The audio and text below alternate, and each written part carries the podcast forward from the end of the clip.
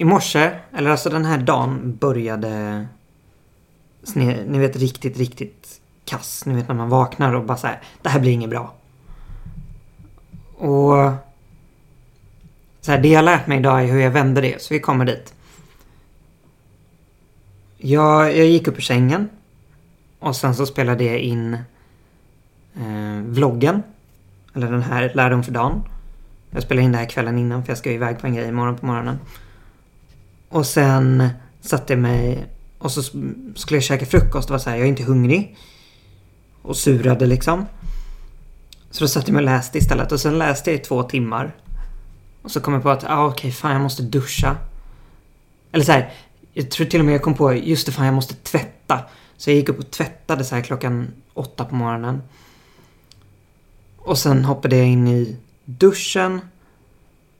Och där någonstans bara, det, det var någonting som hände i duschen så bara klick. Nu blev det bra. Och jag, jag har ingen aning om egentligen vad det var mer än att jag fick sätta av de här två timmarna åt att läsa. Jag kände mig produktiv för att jag faktiskt tvättade och hängde tvätten. Och, och sen den här duschen, det var liksom som att det bara sköljdes av. Vilket var jävligt fett. Och det jag tror har med det här att göra, det är boken jag läste. Jag läste färdigt den. Och den heter Oceanen vid vägens slut. Och det, var, det, det är något av det bästa jag läst. Det rekommenderar jag varmt. Och det, den, den handlar om en, en uh, liten pojke som... Eh, ja, men det, det är lite så här fantasy... Eh, urban fantasy-genre. Så det är, en, det är en pojke som, som råkar ut för ett par grejer liksom. Och, och sen så... Ja men så här. Det, det, det han, ett händelseförlopp kring ett par dagar. Liksom. Han får en ny kompis. Väldigt rörande och väldigt, väldigt välskriven. Och det var liksom som att... Men ni vet den här eh, klassiska att man så här, flyr verkligheten med en bok. Jag har aldrig, eller jag har inte känt det på väldigt, väldigt länge. Och i morse var det som jag verkligen fick göra det för jag sögs in i, i den här historien. Och sen när jag kom tillbaka så var det liksom...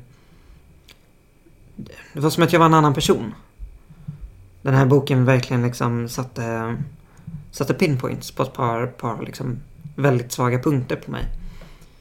Jag vet inte om det handlar om att jag kan relatera till huvudkaraktären eller om det handlar om att jag bara behövde den, de timmarna eller om det liksom... Det, det kan ju vara vad som helst tänker jag. Men det var väldigt, väldigt viktigt för mig att få den tiden på morgonen.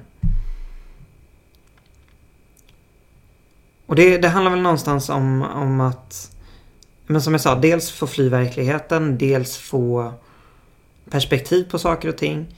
Men också veta vad jag får energi utav. Och läsa är någonting som jag verkligen, verkligen får energi utav just nu. Och det har jag inte fått. Men som jag sa, jag, jag har liksom inte börjat läsa ordentligt förrän det här året igen.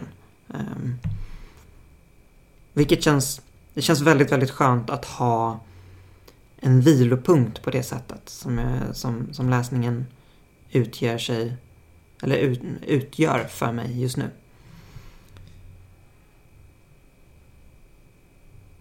Och det handlar någonstans, jag, jag skrev upp för ett tag sedan så jag har ett dokument med grejer jag ska, jag vill prata om eller så här parkeringsplats liksom för, för saker jag ska prata om i den här vloggen. Och jag har skrivit upp ansvar. Och för mig handlar det, en, alltså så här, jag vill, jag vill koppla ihop de här två. Och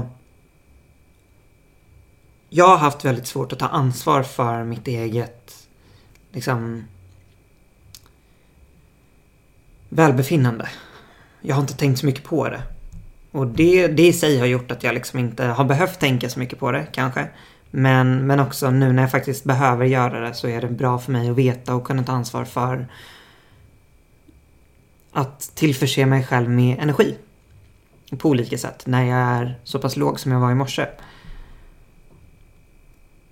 Så dagens fråga och, och det jag vill avsluta med den här podden med är hur tar du ansvar för att se till att du har maximalt med energi?